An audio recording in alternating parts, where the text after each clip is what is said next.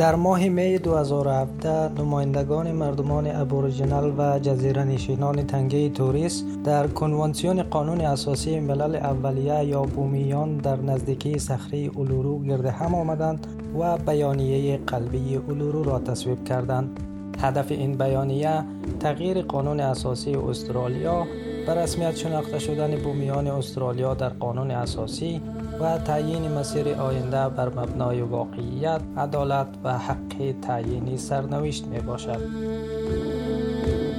ما افراد حاضر در کنوانسیون ملی قانون اساسی 2017 که از تمام نقاط سپهر جنوبی گرد هم آمده ایم این بیانیه قلبی را ایراد می کنیم. قبایل ابورجینال و جزیره نشینان تنگه توریس ما ملل مستقل اولیه قاره استرالیا و جزایر همجوار آن بودند و تحت قوانین و آداب و رسوم خود بر آن مالکیت داشتند. نیاکان ما طبق محاسبات فرهنگی ما از بدو آفرینش طبق قوانین عادی از عهد کهن و طبق دانش از بیش از 60 هزار سال پیش بر آن مالکیت داشتند. این حق مالکیت یک مفهوم معنوی است. پیوند اجدادی بین زمین یا مادر طبیعت و مردمان ابوریجینال و جزیره نشینان تنگه توریس که از آن زاده شده بودند مستحکم میماند و روزی باید بازگردد به مکان اصلیش تا با نیاکان ما یک جا شود.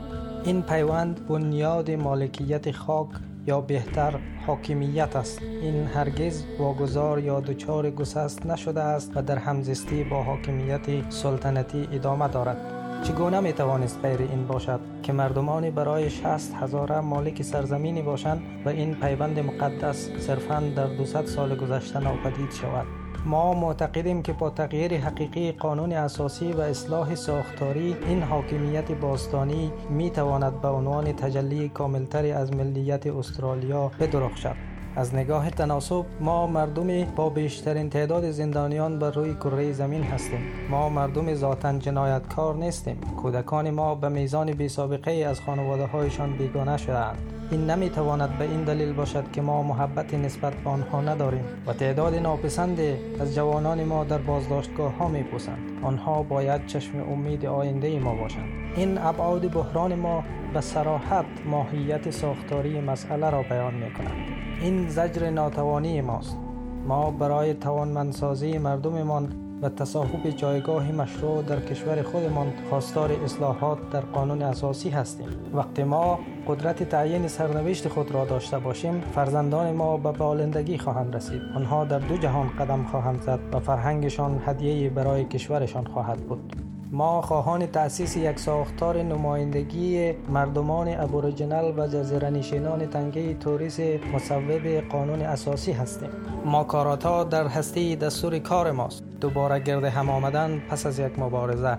این اشتیاق ما را برای داشتن یک رابطه عادلانه و مبتنی بر واقعیت با مردم استرالیا و یک آینده بهتر برای کودکان ما بر مبنای عدالت و حق تعیین سرنوشت به تصویر می کشد.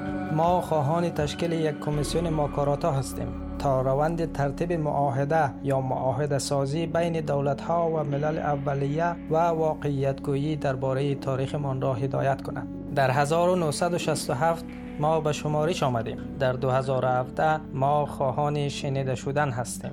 ما پایگاه اولیه را ترک می گوییم و سفر طولانی خود به سرتاسر سر این کشور پهناور را آغاز می کنیم ما از شما دعوت می کنیم که در این جنبش مردمی استرالیا برای یک آینده بهتر با ما همراه شوید.